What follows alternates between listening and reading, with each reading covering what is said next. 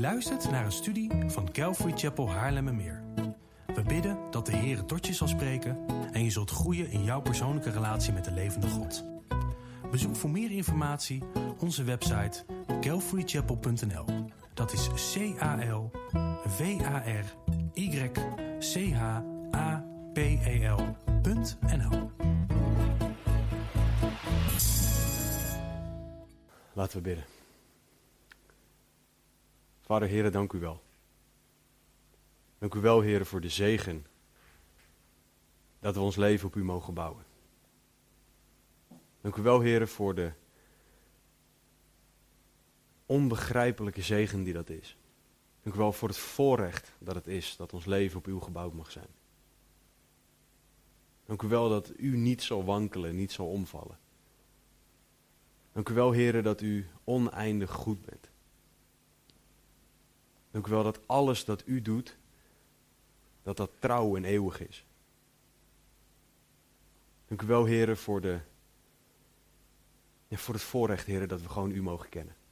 En dank u wel dat u ons kent en dat u toch nog van ons houdt. Heren, dank u wel dat ons leven van u afhangt. Dank u wel, heren, dat u eeuwig bent.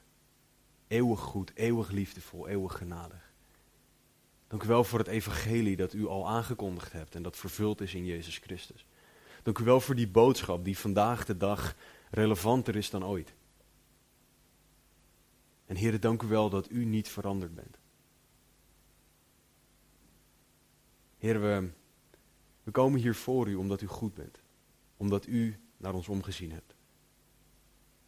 Dus Heer, spreek alstublieft. Doe een wonder in alle harten. Heren, van jong tot oud, heren, zegen ook de kinderen om goed op te letten.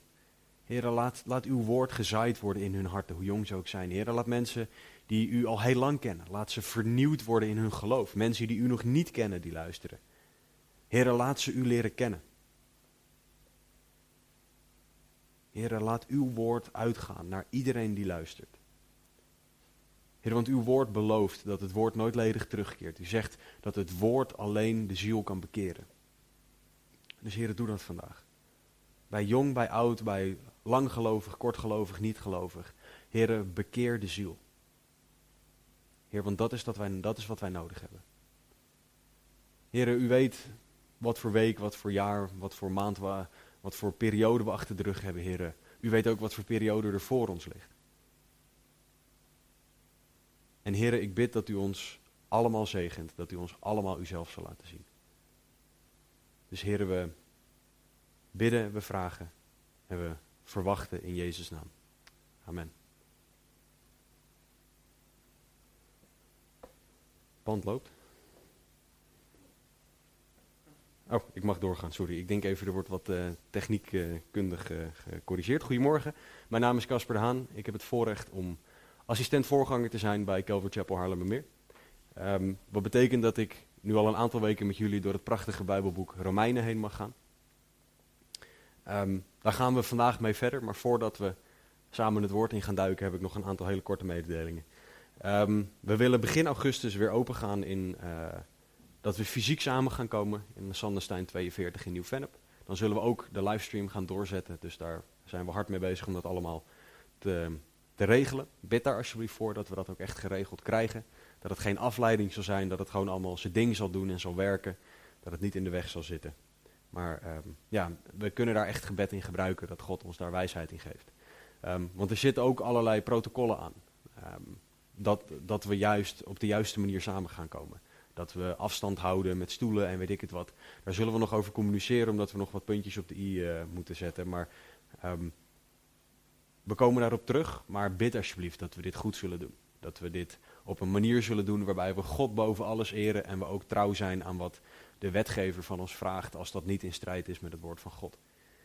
Um, dus we kunnen daar gebed voor gebruiken. Um, als we toch bezig zijn, um, bid ook voor hoe God jou, u wil gaan gebruiken om hem te dienen. En dat bedoel ik niet alleen op de zondagochtend, want dat is prachtig en dat is nodig, maar er is veel meer dan dat. We zijn niet op zondagochtend alleen christenen, maar we zijn de hele week christen. Vraag God hoe Hij jou, u wil gebruiken in het dagelijks leven. We zijn nu al twee weken bezig met vragen beantwoorden. We zijn begonnen met de vraag: wie dien jij? We hebben vorig, en het antwoord moet daar zijn Jezus Christus. Dat is wat Paulus ons liet zien. Hij diende als een, als een doelos, als een slaaf, waar het Nederlands een dienstknecht zegt. De tweede week hebben we gekeken naar hoe dien jij? Dien jij op basis van genade, wat de Heilige Geest in jou doet? Accepteer jij de roep van de Heilige Geest of wil jij dienen? Wil je überhaupt dienen of dien jij op jouw manier in de plaats van God die mag bepalen uh, hoe jij dient? En vraag dan aan God of Hij wil duidelijk maken wat de plek is, hoe Hij wil dat jij dient, wanneer jij dient, wie jij dient. Want God wil dat allemaal duidelijk maken. Alleen vraag het Hem. En dat is ook mijn, mijn terugkerende vraag aan jullie. Bid alsjeblieft. Bid voor de mensen om je heen. Bid voor de kerk. Bid voor wie dan ook. Want deze wereld heeft gebed nodig. Dat klinkt misschien als een rare mededeling of iets. Maar, maar, maar bid. Bid alsjeblieft. Laat ons mensen, mannen en vrouwen, kinderen van gebed zijn. Want we onderschatten met z'n allen de kracht en de, vooral de noodzaak van gebed. Ik, ik ook. Maar ik weet wel dat we het nodig hebben en we mogen samen gaan ontdekken hoe God onze gebeden wil gaan gebruiken. Dat zijn mijn vragen, mijn opmerkingen, mijn mededelingen richting jullie.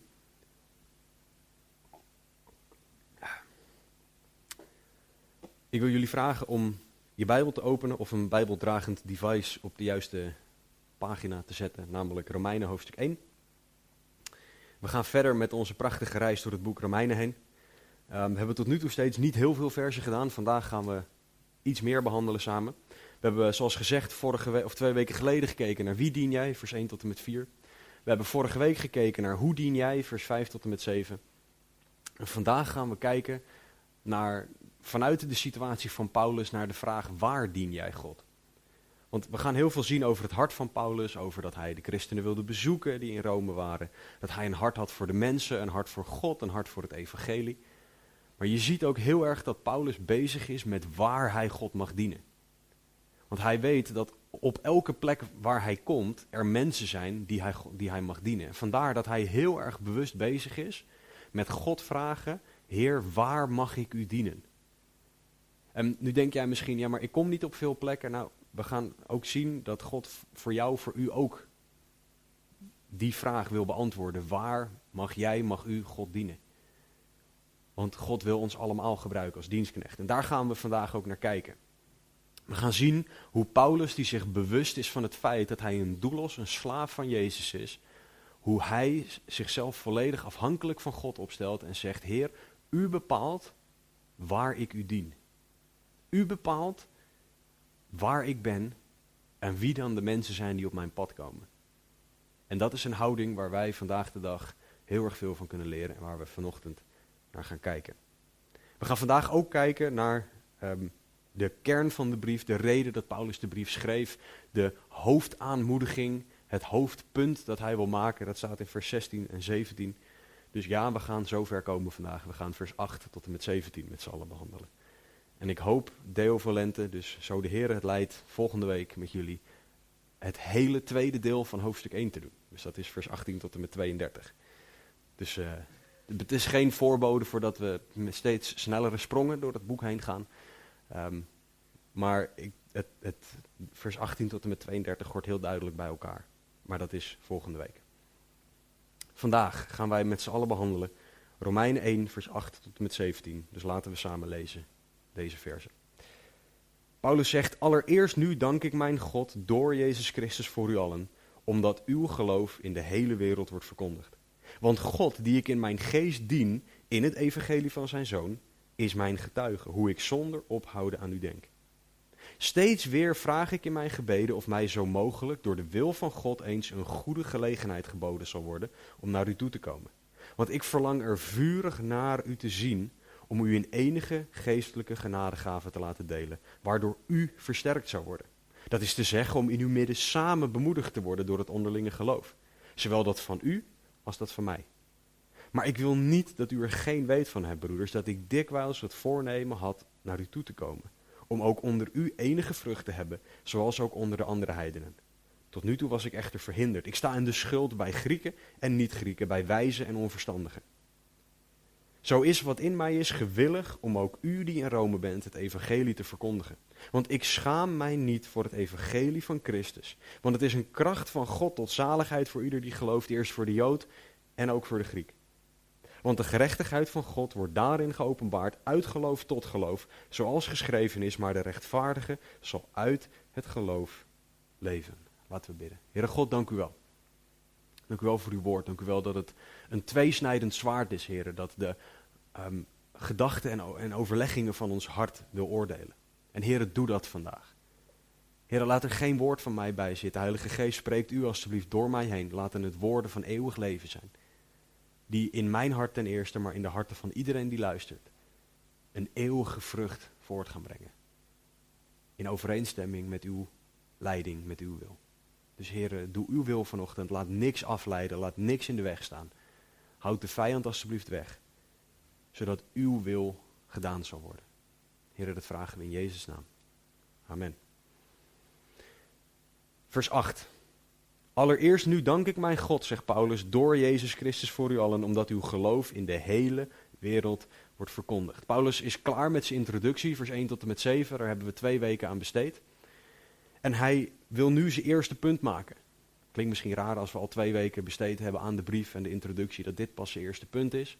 Uh, maar het eerste punt dat Paulus echt maakt richting de gemeente is dankbaarheid. Hij zegt allereerst nu dank ik mijn God door Jezus Christus voor u allen. Dit is niet een brief waarin Paulus allerlei theologische dingen rechtzet. Waarin Paulus um, gedrag corrigeert, zoals hij in de Korinthebrief heel erg duidelijk doet. Korinthebrieven. Um, Paulus, die is hier een fantastische theologische zaak aan het maken. En dat is ter bemoediging, ter ondersteuning, ter, ter, um, ter opbouw van de gemeente. En hij begint dat hele verhaal met dankbaarheid. Dankbaarheid richting God voor wat hij gedaan heeft. Dankbaarheid voor het geloof van de broeders en de zusters in Rome. Dankbaarheid voor wat God in hen had gedaan. Want Paulus wist dat geloof alleen uit en door God kwam. Paulus had gehoord van het geloof van deze christenen in Rome. En dat was niet zo dat iemand een tweet had verstuurd over het geloof. Of dat iemand een Instagram story, ik weet er heel weinig vanaf, dus het klinkt heel stom als ik dit zeg.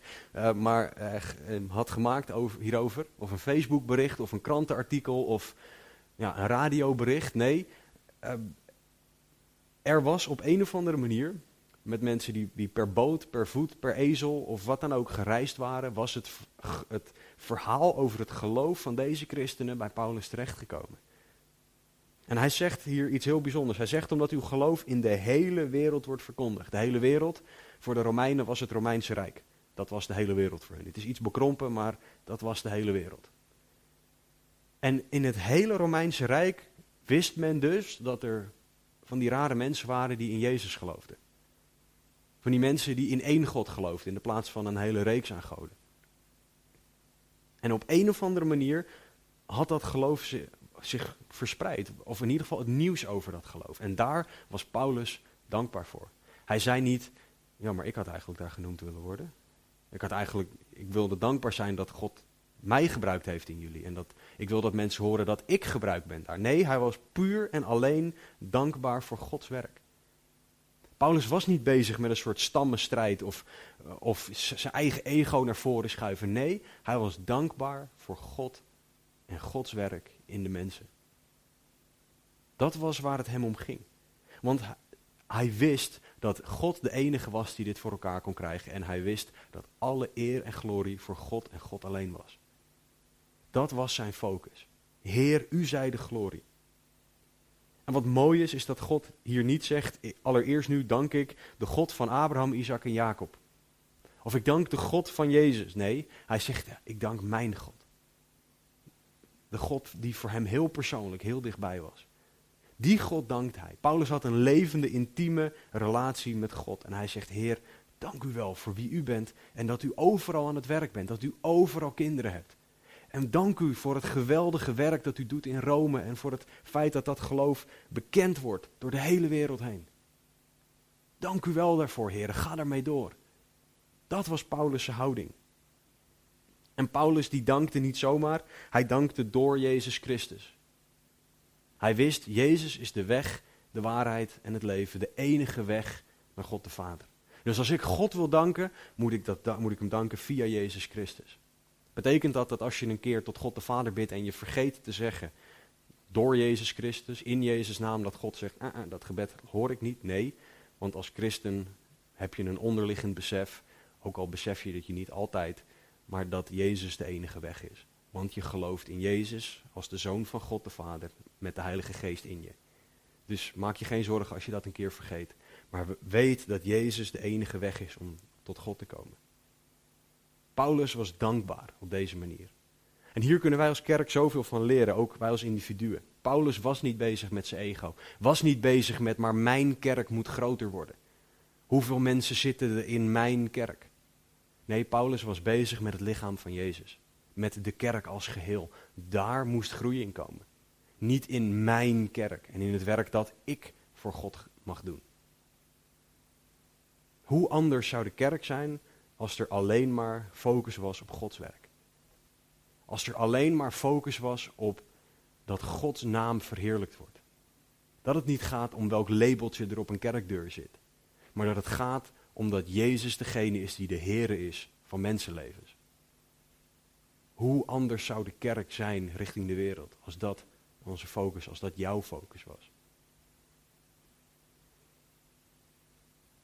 In 1 Thessalonicense 5:18 leert Paulus ons zoveel over dankbaarheid. Hij zegt dank God in alles, want dit is de wil van God in Christus Jezus voor u. Dus in elke situatie, niet voor elke situatie, horen wij God dankbaar te zijn. In alles wat ons overkomt is er een reden om dankbaar te zijn aan God. In alles kunnen wij een reden vinden om God dankbaar te zijn. Want God is goed, want God is genadig, want God is groot, want Jezus is voor ons aan het kruis gestorven en ga zo maar door. Hoe naar je aardse omstandigheid misschien ook is, God verandert niet. Hij is de rots waarop wij staan. En daar zit zoveel reden voor dankbaarheid in. Weet je, de beste mensen, de fijnste mensen om bij in de buurt te zijn, zijn dankbare mensen. Mensen die blij zijn met alles wat je ze geeft. Ook al geef je ze niks. Mensen die gewoon God dankbaar zijn. Dat zijn zulke fijne mensen om bij te zijn. Dat zijn mensen die op een normale, gezonde manier aantrekkelijk zijn. Waarbij, je, waarbij het fijn is om bij die mensen te zijn. Dus vraag je af of jij een dankbaar mens bent. Of jij God dankbaar bent in alles. Of jij God dankbaar kan zijn voor zijn werk in andere christenen. Als ze niet hetzelfde labeltje van kerk hebben als jij.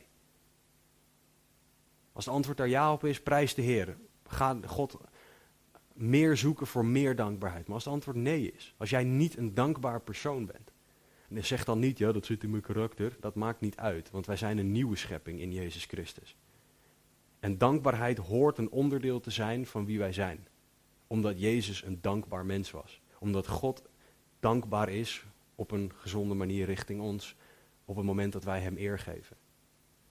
Dus dankbaarheid hoort een deel te zijn van jou. Als jij niet een dankbaar persoon bent, ga ermee naar de Heer toe. En vraag Hem om jou daarin te veranderen. Ga zoeken in het woord naar redenen die God geeft om dankbaar te zijn. En je zal versteld staan hoeveel reden je hebt om dankbaar te zijn.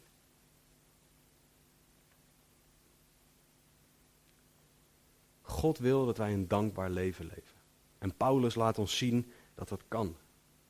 Paulus laat ons zien hoe dat werkt. In vers 9 gaat Paulus door. Hij zegt, want God, die ik in mijn geest dien in het evangelie van zijn zoon, is mijn getuige hoe ik zonder ophouden aan u denk. Dat woordje want verbindt de twee versen. Hij zegt, ik dank God voor u allen, omdat uw geloof in de wereld wordt verkondigd. Want de God die ik in mijn geest dien, is mijn getuige hoe ik zonder ophouden aan u denk. Hij is dankbaar en die dankbaarheid zet hem aan tot, voor, tot, tot aan hen denken. Paulus had een hart voor alle christenen. Hij was dankbaar voor Gods werk in alle christenen. Voor alle gelovigen die hij tegenkwam. En dat leidde tot bidden. In het Nederlands staat er, hoe ik zonder ophouden aan u denk. Het Grieks zegt letterlijk, hoe ik zonder ophouden u noem in mijn gebeden. Aan iemand denken is heel wat anders dan voor iemand bidden. Mijn ouders vroeg, vroegen vroeger wel eens, ja, kan je eraan denken om, wat, om je kamer op te ruimen? En dan was mijn puberantwoord altijd, sorry papa mama, ja daar zal ik aan denken. Want denken betekent niet dat ik het ga doen. Denken betekent, ja ik heb eraan gedacht en ik heb besloten om iets anders te doen. Dat was in mijn geval wat het betekende om eraan te denken. Maar als je de vertaling van het Grieks neemt, hoe ik zonder ophouden u noem in mijn gebeden, dan is het iets heel proactiefs. Wat Paulus hier deed. Dan is het iets heel actiefs, iets heel nederigs wat hij deed richting deze mensen. Hij was niet bezig met alleen maar zijn eigen verlanglijstje opdreunen. Heer, ik wil graag een groter huis, ik wil niet, uh, niet gevangen zitten, ik wil dit niet, ik wil dat niet. Nee, hij was bezig in zijn gebeden met andere christenen. Zonder ophouden, u noem in mijn gebeden. Hij was bezig met het geestelijk welzijn van deze mensen. En hij diende God vanuit zijn binnenste. Hij zegt, die ik in mijn geest dien. Dat gaat om het binnenste van wie hij is. Vanuit het diepste van zijn wezen was hij bezig met deze mensen dienen. Niet met zichzelf dienen. Was hij bezig met geleid door de geest deze christenen in Rome dienen. Bijbelcommentator Barnes zegt daar het volgende over. Dit is bewijs van een opmerkelijke interesse in een kerk die hij nog nooit gezien had. En het laat zien dat Paulus een man van gebed was. Hij bad niet alleen voor zijn vrienden en familie, maar voor hen die hij nog nooit gezien had. Als alle christenen met eenzelfde intensiteit van gebed aan alle kerken zouden denken, hoe anders zou de christelijke kerk dan zijn? Einde citaat. Paulus wist niet alleen dat hij dankbaar moest zijn, maar die dankbaarheid zette hem aan tot bidden. En bidden voor mensen die hij nog nooit gezien had. Hij kon niet even via Skype of Zoom of welk ander medium wij tegenwoordig ook hebben, die mensen bellen. Of ze een berichtje sturen via een mailtje. Hij wist alleen dat er een kerk was. En aan het einde van de brief zullen we zien dat hij een deel van de mensen bij naam kent. Dat komt waarschijnlijk omdat hij die eerder gezien had en dat die mensen naar Rome toe gegaan zijn. Maar een deel van die kerk had hij nog nooit gezien. Hij wist niet wie die mensen waren, hoe ze eruit zagen, wat ze deden. Hij wist niks. En toch bad hij voor ze. Dat is nog eens een houding van dankbaarheid. Een actieve houding van dankbaarheid. Hoe dankbaar ben jij? Ben jij een man of een vrouw van gebed? Gebed moet de kerk namelijk kenmerken. We moeten bidden voor elkaar, voor de mensen binnen de kerk, voor de mensen die nog niet geloven. We moeten bidden voor de regering, ja, zelfs voor de regering, ook in Nederland. We worden opgeroepen om te bidden voor de regering. We moeten bidden voor onze voorgangers, voor gezinnen, voor huwelijken, voor alleengaanden, voor kinderen, voor jongeren, voor. Je kan het zo gek niet bedenken of we kunnen ervoor bidden. Bij een aantal mensen uit de gemeente hangt er een plaatje in hun woonkamer heb je er zoveel voor gebeden als dat je erover gepraat hebt? Even in mijn woorden vertaald. We zijn zo snel geneigd om over een situatie of een persoon of iets te gaan praten, in de plaats van dat wij het in gebed bij Gods voeten brengen. En gebed is juist iets wat de kerk hoort te kenmerken. Bid zonder ophouden, staat er in de Thessalonicense brief. Gebed is zo krachtig. Gebed is zo nodig en dit is iets waar wij met z'n allen, daar durf ik best een, ehm, ja, een, een, statement in te maken. Ik denk dat wij met z'n allen te weinig tijd besteden aan gebed. De vraag is, vind jij gebed überhaupt belangrijk? Zie jij gebed voor wat God vindt dat het is? Of zie jij gebed misschien als een, ja, iets wat je even snel voor het eten doet of als dat je doet wanneer je helemaal in de problemen zit? Als een soort laatste redmiddel. We mogen ook nog bidden. Nee, we mogen bidden. Dat is het eerste wat we mogen doen. Dat is wat de wereld nodig heeft, wat jij zelf nodig hebt, wat elke situatie nodig heeft. Gebed.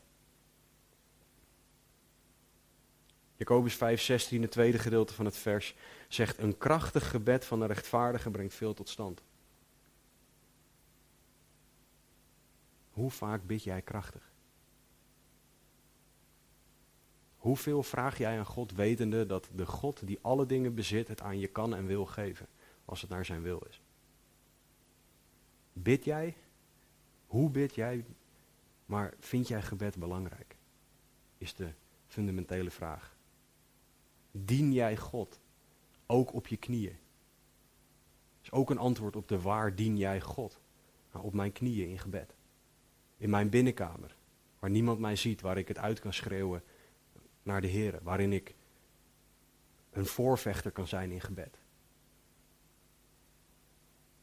Waar dien jij God? Is dat ook op je knieën, ook in gebed? Waar dien jij God? Dit soort gebed is een houding van het hart. Jouw hart moet ervan overtuigd zijn dat God echt is, dat God almachtig is, dat God alwetend is, groot, liefdevol, genadig, et cetera, et cetera. Dat God het dus waard is om jouw gebeden bij te brengen. Als jij die dingen namelijk gelooft, dan geloof je ook dat het zin heeft om die dingen in gebed bij God neer te leggen. Als jij het idee hebt dat God ongeveer zo groot is, dan heeft het weinig zin om dingen in gebed bij hem te brengen. Want dan ben jij groter en sterker dan God als hij zo groot is. Dat is waarom wij een godsbeeld moeten hebben gebaseerd op het woord, niet op wat mensen zeggen. Gebed is een uitkomst van dankbaarheid en van hoe jij God ziet. Als God zo groot is als dat het woord zegt, dan is hij het waard om alles bij in gebed te brengen.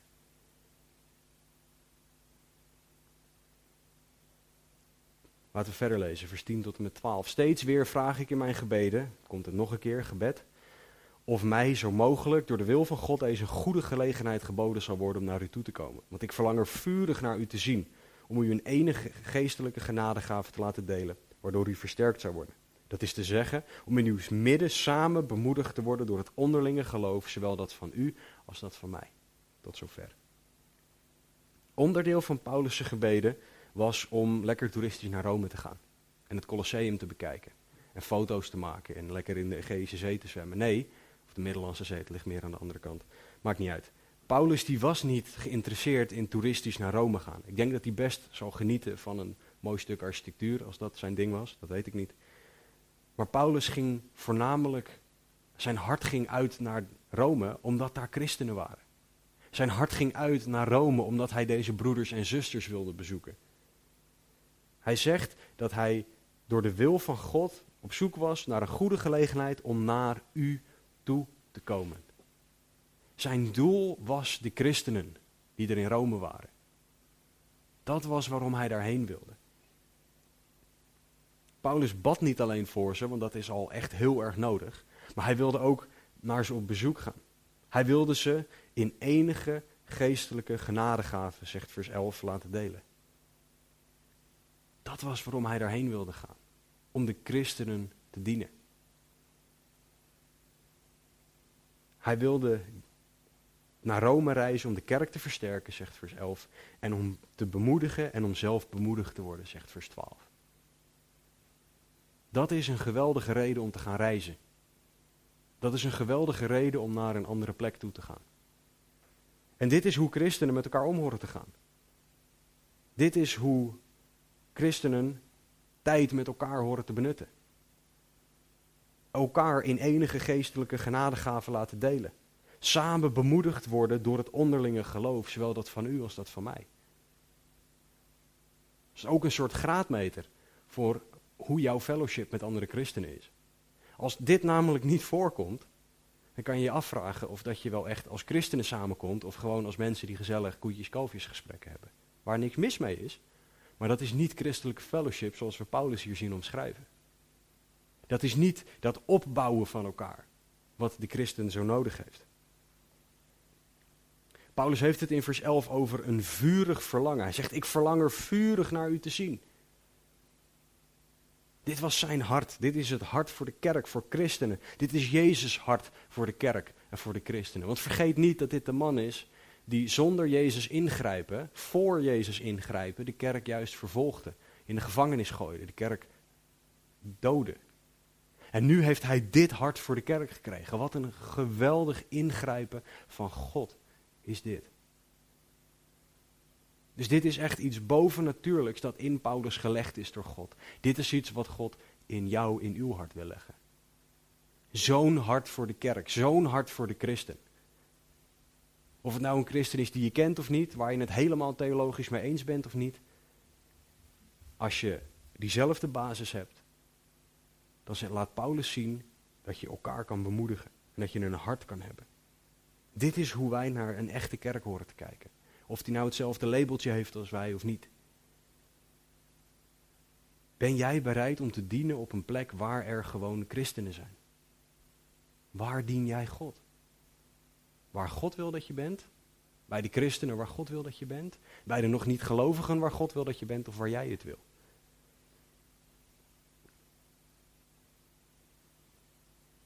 Onderdeel van eenheid in de kerk is dat je elkaar versterkt.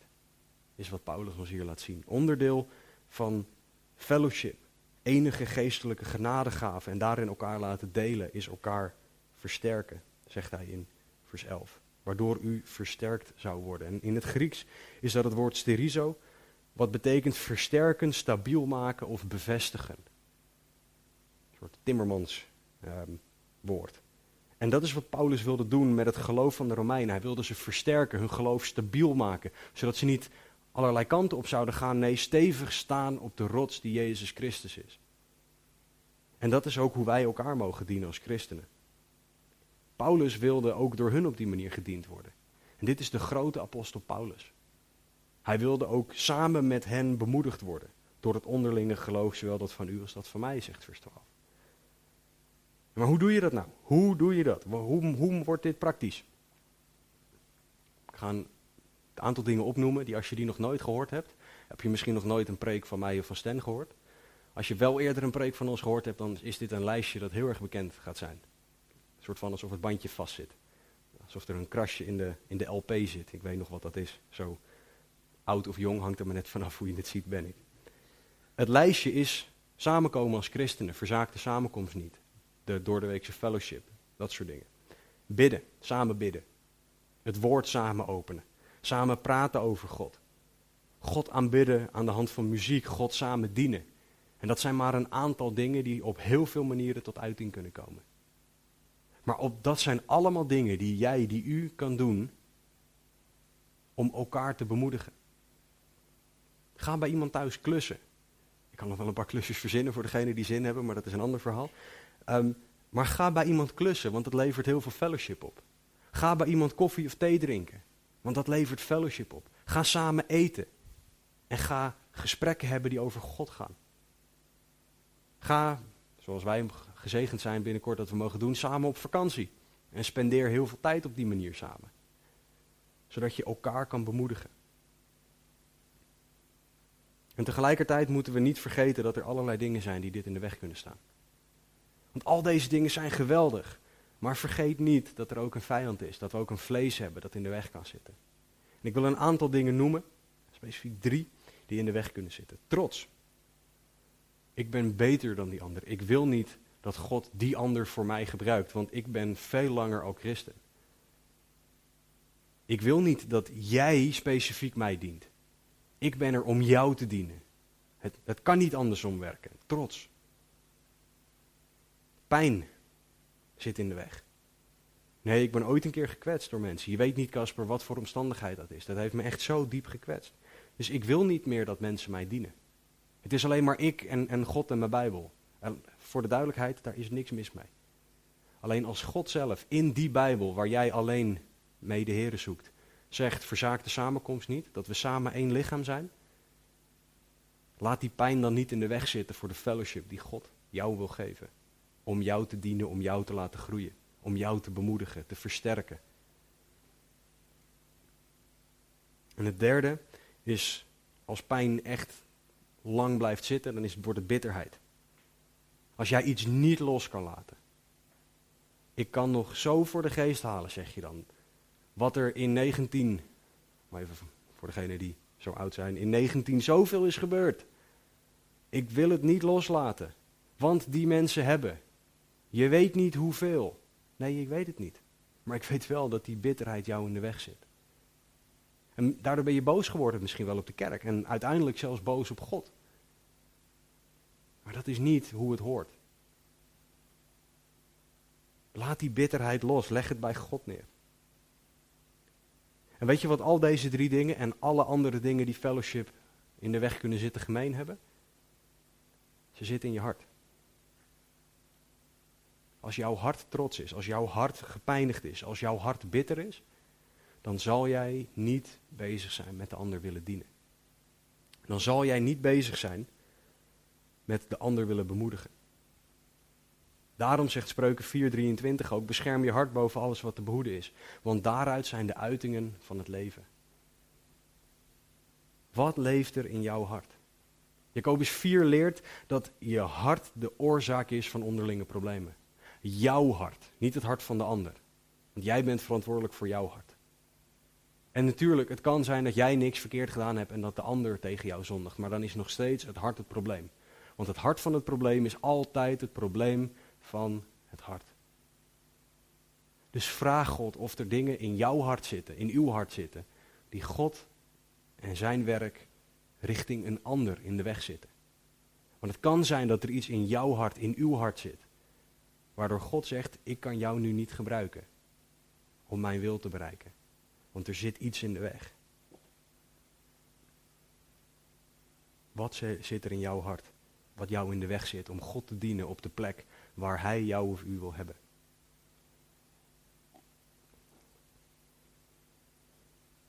Naast het versterken van het geloof, waar Paulus het over heeft in vers 11, heeft hij het er ook over om samen bemoedigd te worden.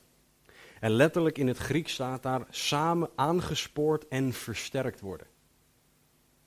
Dus bemoedigen, dat klinkt altijd zo, zo lekker warm en alsof iemand zegt, ja, je bent zo goed bezig en God houdt zoveel van jou. En dat is zeker een onderdeel hiervan. Maar het kan ook zijn dat God zegt, en nu is het klaar met waar je mee bezig bent. Ik ben het nu zat. Je hebt lang genoeg gelanterfanterd. Ik wil nu dat je aan de slag gaat. Ik wil dat je dit, dit en dit gaat doen. Ik heb je daar en daar en daarvoor geroepen. Dat is ook waar Paulus het over heeft.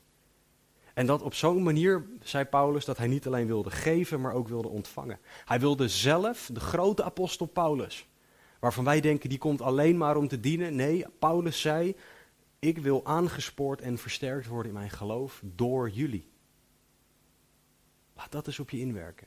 Wat voor beeld hebben wij van mensen? Neem bijvoorbeeld, we hadden een mannenweekend vorig jaar en Brian Broderson kwam. Ik heb Brian best wel hoog staan, dat is een, eh, een zeer gelauwerde voorganger uit Amerika. En je kan dan het idee hebben dat als hij komt, nou hij komt alleen maar om ons te dienen. En achteraf hoor je dat hij zo ontzettend gezegend was door dingen die hij zag. Dat hij gediend werd terwijl hij aan het dienen was. Dat is waar Paulus het over heeft. Zelf gediend worden terwijl jij een ander aan het dienen bent. Is dat jouw houding of kom jij alleen maar om nee? Ik ben hier om jou te dienen. Jij hebt mij niks te geven. Trots. En dat is een probleem. Paulus wist dat dit belangrijk was. Maar Paulus wist 1 Korinthe 12, 27. Samen bent u het lichaam van Christus en ieder afzonderlijk zijn leden. Het lichaam hoort voor elkaar te zorgen, is wat Paulus hier zegt. Jullie horen voor mij te zorgen, net zoals ik voor jullie hoor te zorgen. Dit is hoe de kerk hoort te zijn. De kerk hoort elkaar lief te hebben, elkaar te ondersteunen, elkaar te bemoedigen, elkaars lasten te dragen. Die elkaar versen waar we het laatst over gehad hebben. Dat is wat de kerk richting elkaar hoort te doen. En de vraag is of jij God dient, of jij de kerk dient, of jij de ander dient zoals God dat ook van jou wil. Jij hebt een rol hierin van God gekregen, een taak richting je broeders en je zusters. En ook hier is het dan weer belangrijk, als je niet samenkomt met je broeders en je zusters, wordt het ook erg lastig om ze te dienen. Tuurlijk kan je voor ze bidden en dat wil ik niet onderschatten, zeker niet na wat ik natuurlijk net eerder gezegd heb, anders haal ik mijn eigen preek onderuit. Maar het gaat om het idee dat er ook dingen zijn waar jij de ander in kan dienen, waarvoor God wil dat jij in een fysieke omgeving bent, fysiek in de omgeving van een ander bent. Zeker nu met regels in ogenschouw nemend, maar daar gaat het even niet om. Het gaat erom of jij ertoe bereid bent om de ander te dienen. Dien jij God? En dien jij waar God jou wil hebben of niet? Vers 13 tot en met 15, daar zien we Paulus' verlangen en dat dat ook praktisch wordt. Hij zegt, ik wil niet dat u er geen weet van hebt. Lekker, zo'n dubbele ontkenning in een zin. Broeders, dat ik dikwijls het voornemen had naar u toe te komen om ook onder u enige vrucht te hebben. We hebben het laatst gehad over vrucht. Anderen plukken de vruchten. Dus Paulus wilde dat anderen gediend werden. Maar hij wilde zelf ook vruchten plukken die God aan het geven was. Tot nu toe was ik echter verhinderd. Vers 14. Ik sta in de schuld bij Grieken en niet-Grieken, bij wijzen en onverstandigen. Zo is wat in mij is gewillig om ook u die in Rome bent het evangelie te verkondigen. Paulus wilde naar Rome. Hij zegt, ik wil niet dat jullie er geen weet van hebben, oftewel ik wil, wil dat jullie weten. Die Paulus' zinnen zijn af en toe echt, daar moet je soms de tijd voor nemen om die te ont ontrafelen. Maar hij had niet alleen de woorden van ja, ik wil jullie graag bezoeken. Nee, hij had ook echt zijn best gedaan om het te doen, alleen werd hij verhinderd door God. Dat gebeurt soms met goede voornemens die we hebben. Dan heb ik het niet over voornemens aan het begin van het jaar, maar gewoon echt op God gebaseerde, door God gestuurde voornemens. Soms kan God je verhinderen van die voornemens. Want dan is het niet Gods timing of niet Gods wil. Paulus die voelde een last richting de Griek en de niet-Griek, de wijze en de onverstandige. Grieken vonden zichzelf erg wijs en ze vonden iedereen die niet Griek was erg onverstandig. Dat was een beetje de arrogantie van de Grieken. En Paulus die zegt, het maakt niet uit of je een Griek en niet-Griek, slim, niet slim, het maakt allemaal niet uit wat voor beeld je ook van jezelf hebt. Ik wil jullie dienen. Ik heb een schuld bij jullie staan om jullie het evangelie te verkondigen. Voor de Grieken bestond de wereld, was de wereld heel eenvoudig, bestond uit twee groepen mensen. Namelijk de Grieken en de niet-Grieken. De Grieken en de barbaros of de barbaroi. Hangt er maar net, van even, net even vanaf aan wie je dat vraagt. En de Grieken, dat waren de goede mensen. En de barbaroi of de barbaros, dat was de rest. En waarom gebruikten ze dat woord? Ik vind dat wel grappig. Ze vonden die taal allemaal klinken als ba, ba, ba, ba, ba. En dan, daar hebben ze barbaros van gemaakt. Compleet nutteloos, maar ik vond het wel een leuk detail. Um, wat wel belangrijk is, is dat Paulus hier zegt dat hij in de schuld staat bij Grieken en niet-Grieken. Hij zegt hier niet, ik sta alleen in de schuld bij de mensen die al een besef hebben van wie God is. Of alleen bij de mensen die slim genoeg zijn om dit allemaal te begrijpen. Nee, hij zegt, ik sta in de schuld bij Grieken, niet-Grieken, wijze, onverstandigen, bij iedereen. Voor God maakt het niet uit wie je bent, hoe je klinkt, bar, bar, bar. Nee, het maakt niet uit hoe je klinkt, hoe je eruit ziet, je hebt het evangelie nodig. Het maakt niet uit waar je vandaan komt, wat, je, wat dan ook. Het maakt voor God niet uit. God maakt geen onderscheid. En zo horen wij ook geen onderscheid te maken tussen mensen dat de Bijbel niet maakt. Ieder mens heeft Jezus nodig. De Bijbel is, geen, is een boek dat op geen enkele manier racisme, onderscheid tussen mensen maken toestaat. Want de Bijbel leert dat er één soort mens is, namelijk mens. En de ene mens heeft misschien een andere hoeveelheid pigment en hoezeer dat tot uiting komt. Ik ben een van de mensen die uh, wat minder pigment uh, gezegend is. Um, maar ik ben net zo goed een mens als iemand die met een andere hoeveelheid pigment gezegend is. Huidskleur, afkomst, taal, cultuur, het maakt voor God allemaal niet uit. Wij zijn allemaal één in Christus. Er is één soort mens en die ene soort mens is een zondaar die Jezus Christus nodig heeft. Dus het maakt niet uit waar God jou naartoe stuurt, naar wie. De vraag is of jij bereid bent om de mensen te dienen die God op jouw pad brengt. Of maak jij een onderscheid dat God niet maakt? Denk jij beter te weten dan de alwetende God? Dat is een strikvraag voor de duidelijkheid. Maar denk jij beter te weten dan de alwetende God wie wel en niet het evangelie verdienen? Dan heb je een hele hoge dunk van jezelf. En een hele lage dunk van God. God wil dat iedereen het evangelie hoort. En Paulus was bereid om voor de Griek en de niet-Griek naar Rome te gaan. Hij zegt, zo is wat in mij is gewillig om ook u die in Rome bent het evangelie te verkondigen. Het Griekse woord voor gewillig betekent eigenlijk drie woorden in het Nederlands. Ik ben klaar. Dat is waar God naar op zoek is. Mensen die zeggen, ik ben klaar. Heer, ik wil u dienen. Wie dien jij? Heer, ik wil door u dienen. Hoe dien jij? En Heer, ik wil dienen op de plek waar u mij wil hebben. Waar dien jij? Dat is waar God naar op zoek is. Mensen die zeggen, Heer, ik ben klaar. God is altijd op zoek naar mensen die beschikbaar zijn. Mensen die bereid zijn. God is nooit op zoek naar mensen die capabel zijn. Dat is voor mij een hele opluchting. Maar beschikbare mensen zeggen: Heer, ik kan het niet, maar ik ben bereid om door u gebruikt te worden. Capabele mensen of mensen die zeggen: Ik kan het zelf wel, ik heb de capaciteiten, ik heb de talenten om dit, om dit te kunnen, die zeggen: Heer, ik heb een plan. En ik denk dat het heel verstandig is als u dit plan even zegent. En, voor en daarbij, God, het is wel echt heel goed dat u mij uitgekozen hebt, want nu gaat, gaan dingen pas echt gebeuren. Nu u mij in uw koninkrijk hebt. Dat is wat capabele mensen zeggen. En God is daar niet naar op zoek. God is op zoek naar mensen die zeggen, Heer, ik kan het niet, maar ik wil wel door u gebruikt worden. Ik ben klaar. Zeg jij dat tegen God? Jesaja zei, hier ben ik, zend mij. Toen God vroeg, wie zullen wij zenden? Hier ben ik, zend mij, ik ben klaar. En waar was Paulus dan klaar voor? Nou, om het evangelie te verkondigen aan de mensen die in Rome waren. En in vers 16 en 17 komt Paulus tot de kern van de brief. Hij zegt, ik schaam mij niet voor het evangelie van Christus, want het is een kracht van God tot zaligheid voor ieder die gelooft. Eerst voor de Jood en ook voor de Griek. Want de gerechtigheid van God wordt daarin geopenbaard uit geloof tot geloof, zoals geschreven is. De rechtvaardige zal uit het geloof leven. Paulus was klaar om het evangelie te verkondigen, dat evangelie te dienen, de mensen te dienen met dat evangelie.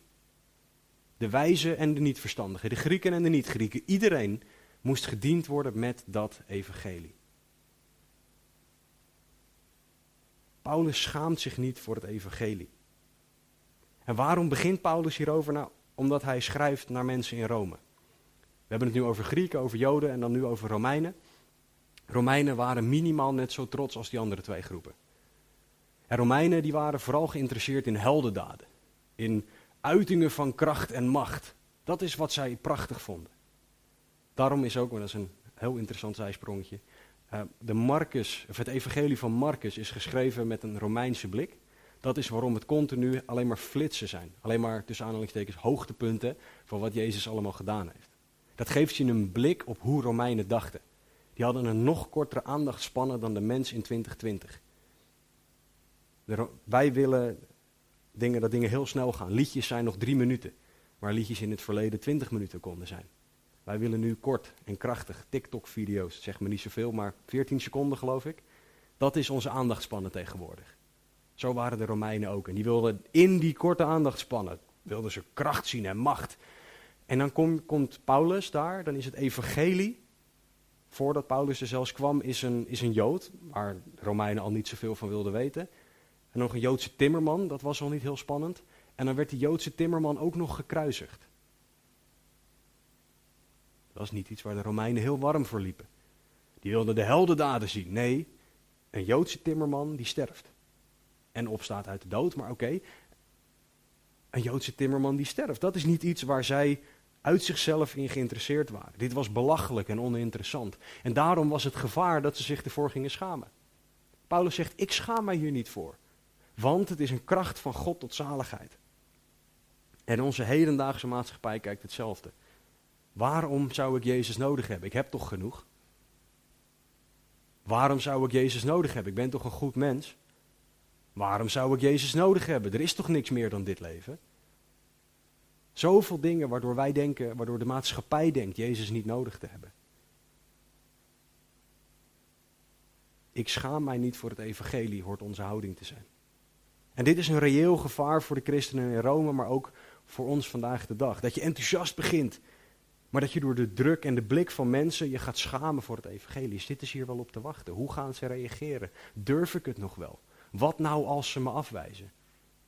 En voor de duidelijkheid, ik worstel hier ook mee. Maar de vraag is, laat ik mij leiden door de geest die zegt, ik wil dat jij het woord verkondigt. Ik wil dat jij tegen de mensen die je tegenkomt het evangelie verkondigt. Of laat ik me leiden door mijn gevoel. En de vijand die niet wil dat ik het evangelie verkondig aan mensen. Leidt God mij of leidt de geest mij? Of sorry, leidt God mij of leidt mijn vlees mij? Als het aankomt op evangeliseren. Paulus zegt namelijk dat het evangelie de kracht of een kracht van God tot zaligheid is voor ieder die gelooft. Het Nederlands zegt een kracht. En dat is een beetje misleidend, want dat klinkt alsof het een van meer dingen is. Het Grieks zegt letterlijk, het is de kracht. Er staat een specifiek Grieks, het is een specifieke setup van het Grieks, die erop wijst dat dit de enige kracht is die redding kan brengen. De Romeinen die zo geïnteresseerd waren in macht en in kracht en in grote spieren en weet ik het wat voor gekkigheid, die waren er niet van overtuigd dat dit de enige weg was. En Paulus zegt, dit is de, de kracht. De kracht van God tot zaligheid. Dit is wat de mens nodig heeft. Want alleen het evangelie kan het volgende doen. In Colossens 1, vers 13 en 14 staat er iets wat het evangelie doet, wat wij nooit kunnen, zelf voor elkaar kunnen krijgen of verdienen. Hij, Jezus, heeft ons getrokken uit de macht van de duisternis en overgezet in het koninkrijk van de zoon van zijn liefde. In hem hebben wij de verlossing door zijn bloed, namelijk de vergeving van de zonden. Dit is wat Jezus gedaan heeft. Dit is wat het evangelie is. En dit is waarvan Paulus zegt, dit kan jij niet. Dit kan ik niet, dit kan niemand. Dit heeft Jezus voor ons gedaan. Het is onmogelijk voor de mens, alleen God. En ik ga nu proberen om in een notendop het evangelie samen te vatten, omdat we soms nog wel eens willen vergeten wat dat is. Voor degenen van jullie die het evangelie al vaker gehoord hebben, ga nu niet achterover zitten, op je telefoon zitten spelen, eh, dingen zitten tekenen in je notitieboek.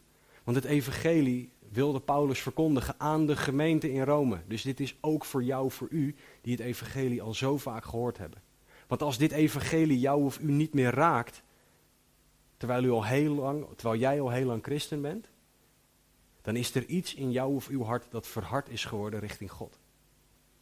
Dus luister mee en kijk of het evangelie nog raakt.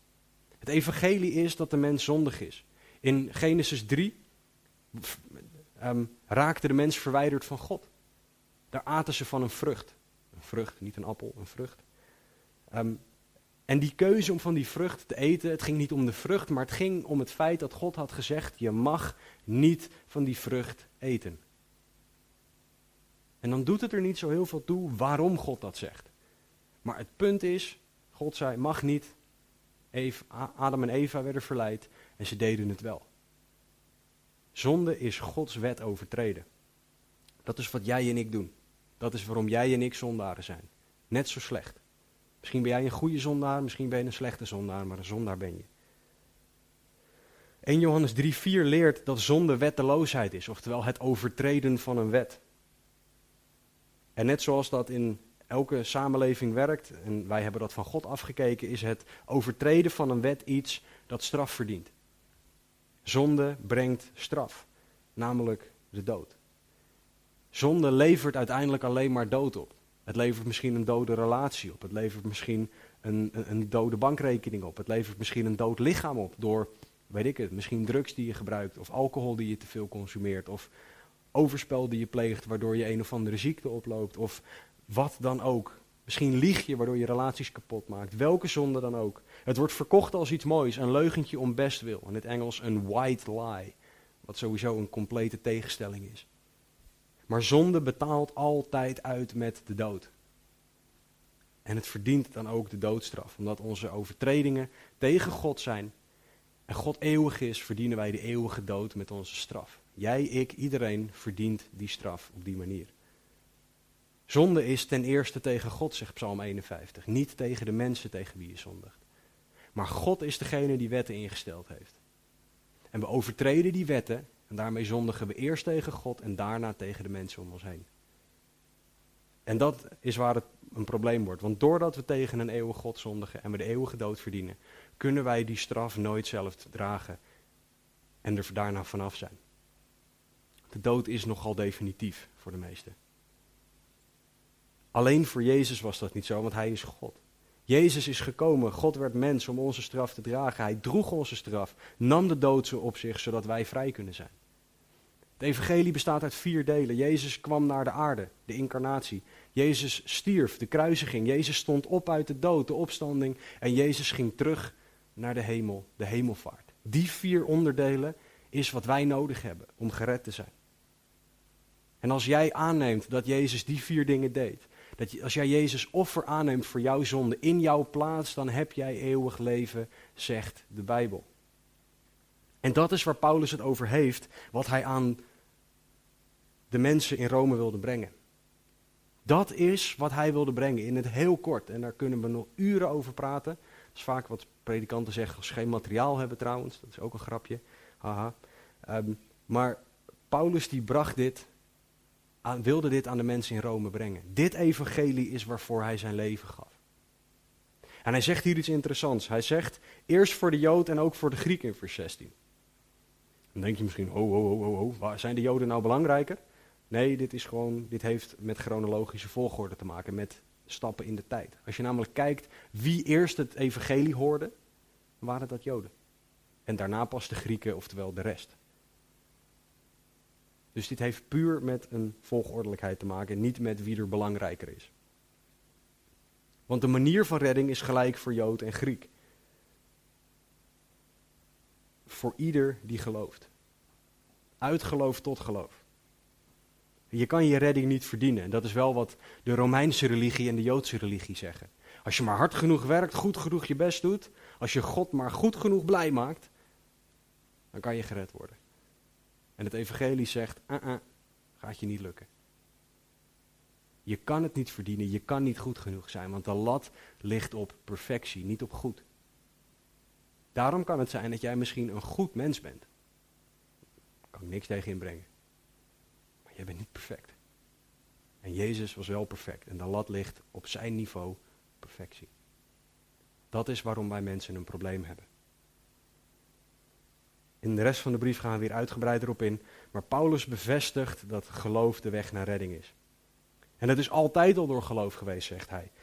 Zoals geschreven is. Dat is altijd een verwijzing naar iets uit het Oude Testament. De rechtvaardige zal uit het geloof leven. Bijvoorbeeld gaat hij Abraham later aanhalen. Abraham geloofde en dat werd hem tot rechtvaardigheid gerekend. Voordat hij besneden werd, voordat hij ging offeren, voor allerlei andere dingen. Abraham geloofde en het werd hem tot rechtvaardigheid gerekend. Geloof. Dat is waarom we moeten geloven in Jezus Christus en dan zullen we gered worden. Geloof is altijd de enige weg naar redding geweest. Dit is iets waar Paulus zich niet voor schaamt en dit is iets wat de wereld toen nodig had en wat de wereld vandaag de dag nodig heeft. Dit is de hoop die wij hebben, die wij met de wereld mogen delen.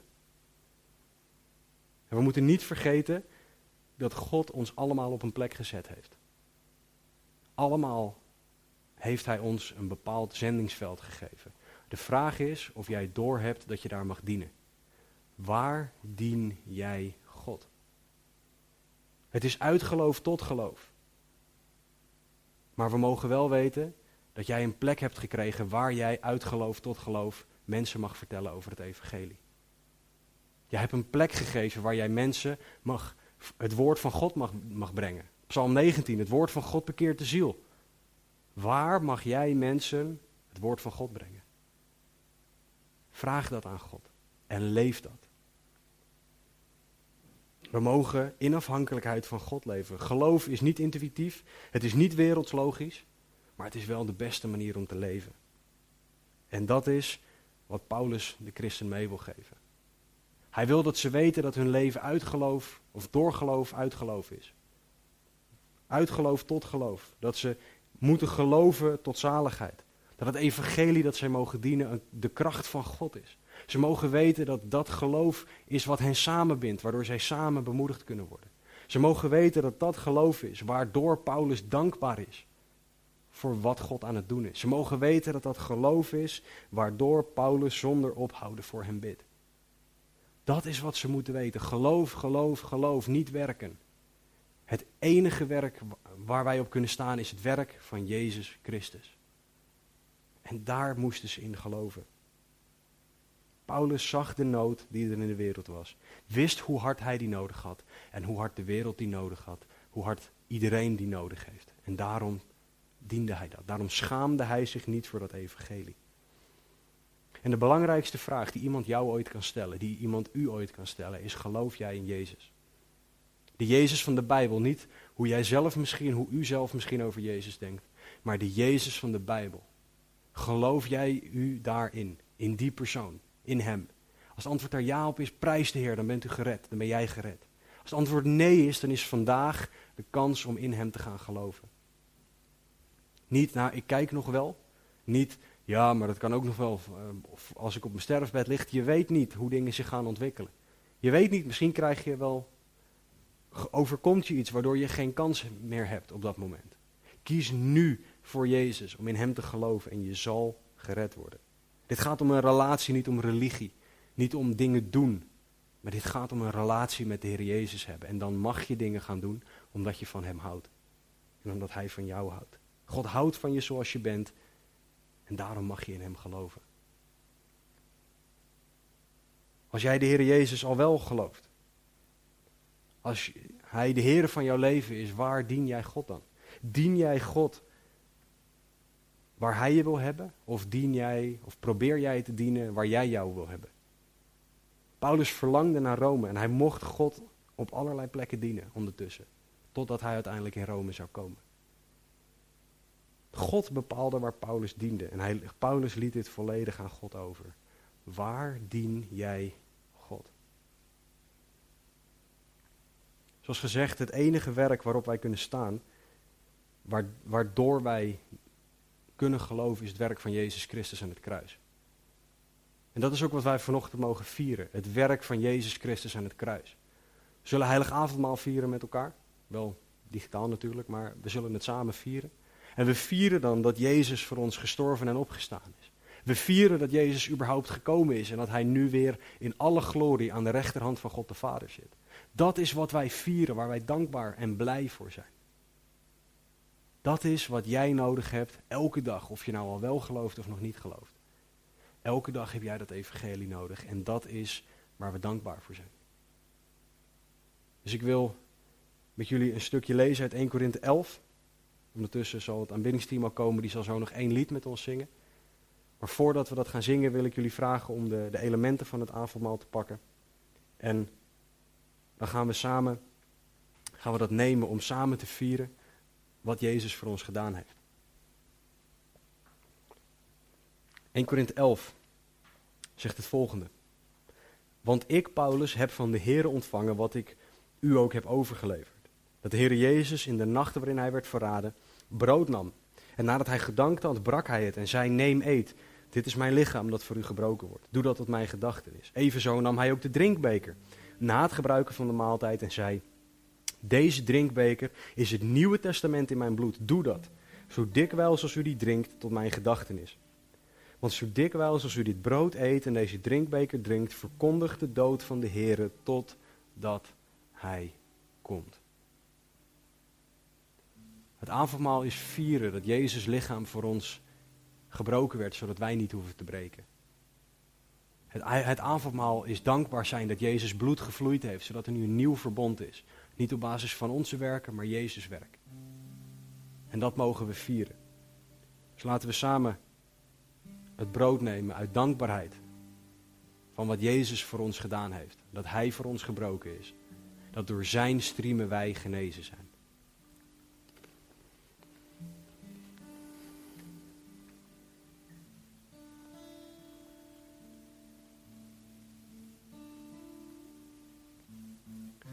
Laten we ook de beker nemen.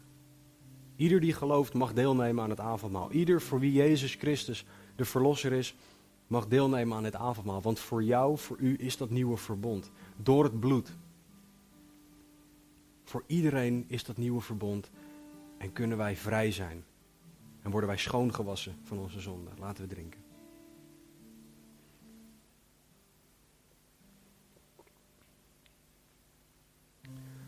Heer Jezus, dank u wel. Dank u wel voor hoe ver u gegaan bent. Dank u wel dat u uw leven gegeven hebt. Letterlijk, in alles. Dank u wel dat u ultiem ver gegaan bent. En dank u wel dat dat alleen maar genade is. Dank u wel dat we u daar alleen maar voor kunnen danken. Heren, laat dat evangelie ons in vuur en vlam zetten. Zij het voor het eerst, zij het voor de zoveelste keer. Heren, breng mensen tot geloof op dit moment. Heren, niet vanwege mijn woorden, maar vanwege het werk van de geest in harten.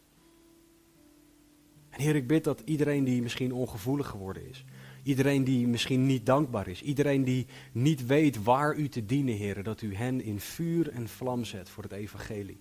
Dat we ons niet meer zullen schamen voor het evangelie, maar dat we het juist zullen delen met de Griek en de niet-Griek, de wijze en de onverstandige. Heer, met iedereen die u op ons pad brengt, Heer, help ons om het evangelie te delen. Omdat dat is de kracht van God tot zaligheid. Doe een wonder alstublieft in ons. Doe een wonder in iedereen die luistert. Heer, het wonder van eeuwig leven. Het wonder van vernieuwing, waar nodig. Heer, laat ons zien waar u wilt dat wij u dienen. Heer, uw naam zij geprezen. Tot in alle eeuwigheid, Heer. We danken u. Heer, geef ons een gezegende week. Een week waarin we u beter zullen leren kennen. Een week waarin we mogelijkheden krijgen om u te dienen. En Heer, breng mensen tot geloof. Gebruik ons als instrument in uw handen. En laat ons mensen tot geloof zien komen. Niet omdat wij dat verdienen, maar omdat u goed bent. Omdat u almachtig bent. Heer, we bidden en vragen dit in Jezus' naam. Amen. Ik wens jullie een hele gezegende week vol van Gods aanwezigheid. Ik wens jullie toe dat jullie meer en meer het evangelie zullen gaan willen dienen. Dat je God gaat vragen, Heer, waar mag ik u dienen? En dat je zal luisteren naar het antwoord dat God geeft. Hele gezegende week. Het aanbiddingsteam gaat ons nog leiden. Zing mee, aanbid mee. En laat dit daarna woorden zijn die eeuwig effect hebben in jou. Woorden waarmee je aan de slag gaat. Gezegende week.